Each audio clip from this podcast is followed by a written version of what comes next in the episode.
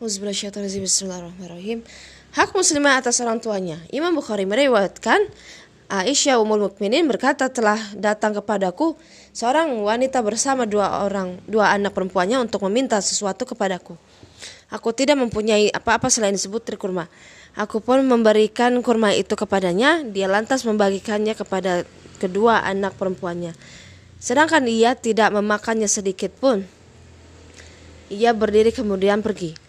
Setelah itu Nabi datang dan aku menceritakan hal itu kepada beliau. Beliau pun bersabda, barang siapa diuji sesuatu lantaran anak-anak perempuan ini, maka itu akan menjadi pel, menjadi pelindungnya dari neraka.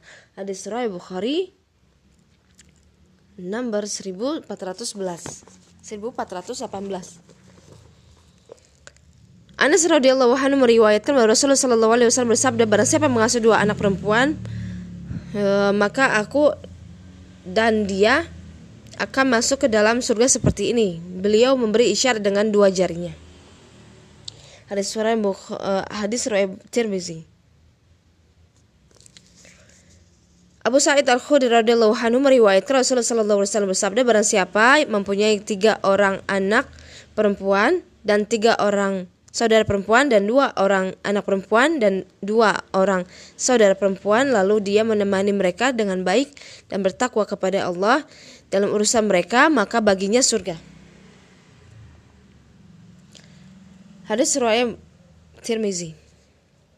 Al-Bara bin Azib radhiyallahu anhu berkata, "Aku masuk bersama Abu Bakar. Ketika pertama datang ke Madinah, ketika itu Aisyah putrinya terbaring karena demam panas. Abu Bakar menghampirinya dan berkata kepadanya, "Bagaimana keadaanmu, hai putriku?" Kemudian dia mencium pipinya. Hadis riwayat Abu Daud. Nabi bersabda, "Setiap kamu ada pemimpin dan setiap kamu e, bertanggung jawab atas apa yang dipimpinnya." Hadis riwayat Bukhari wal Muslim. Seorang ayah adalah pemimpin, dia bertanggung jawab terhadap apa yang dipimpinnya. Sedangkan ibu adalah pemimpin di rumah suaminya, dia bertanggung jawab terhadap apa yang dipimpinnya. Sesungguhnya tanggung jawab seorang ayah muslim dimulai dari membeli istri, kemudian membina sang istri dengan pembinaan yang islami. Istri solihah adalah karunia besar yang dianugerahkan Allah di kehidupan dunia. Sebaik-baik perhiasan dunia adalah wanita solihah. Hadis riwayat Muslim.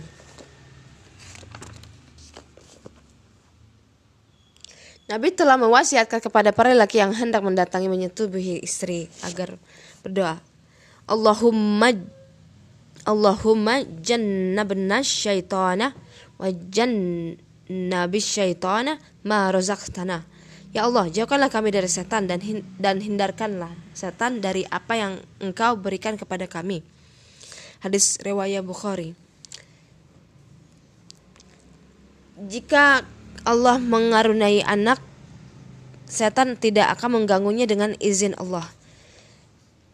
Ada beberapa tuntunan syariat yang harus ditetapkan dan diperhatikan oleh orang tua agar anaknya tumbuh dalam lindungan Allah. Di antaranya adalah mengumandangkan azan di telinga anak, mentahniknya, memberikan asik, dan menanamkan akikah Islamiyah. Tuntunan ini berdasarkan hadis sahih dan diketahui banyak orang. Tanggung jawab terbesar seorang ayah adalah dalam pendidikan tarbiyah, menanamkan adab yang baik. E, paling utama dan harus menjadi pusat perhatian ialah mengenai Allah dan menyebutkan nikmat dan karunia-Nya. Menumbuhkan rasa takut di dalam di dalam jiwanya membangkitkan unsur-unsur fitrah dari waktu ke waktu. Kemudian menanamkan cinta sholat serta mengajarkan tata cara wudhu juga sholat. Semua itu hendaknya dilakukan dengan sabar. Wa'mur wa'mur ahlaka bisolawati wastabir alaiha. Dan perintahkan kepada keluargamu mendirikan sholat dan bersabarlah kamu dalam mengerjakannya. Surat At-Toha ayat 132.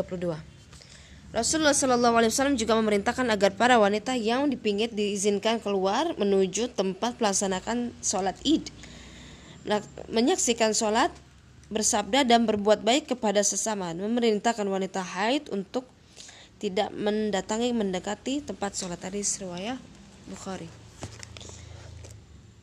Tanamkan pula rasa cinta kepada Rasulullah SAW di, di dalam jiwa anak-anak.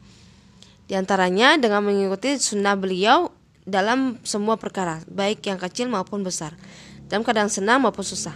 Kemudian membuat tahapan pengajaran dan bimbingan tentang rukun-rukun agama membacakan sejarah dengan gaya bahasa yang luas, menyimpulkan ibrah dan pelajaran penting bagi sejarah Nabi Muhammad SAW dan para sahabat laki-laki dan wanita.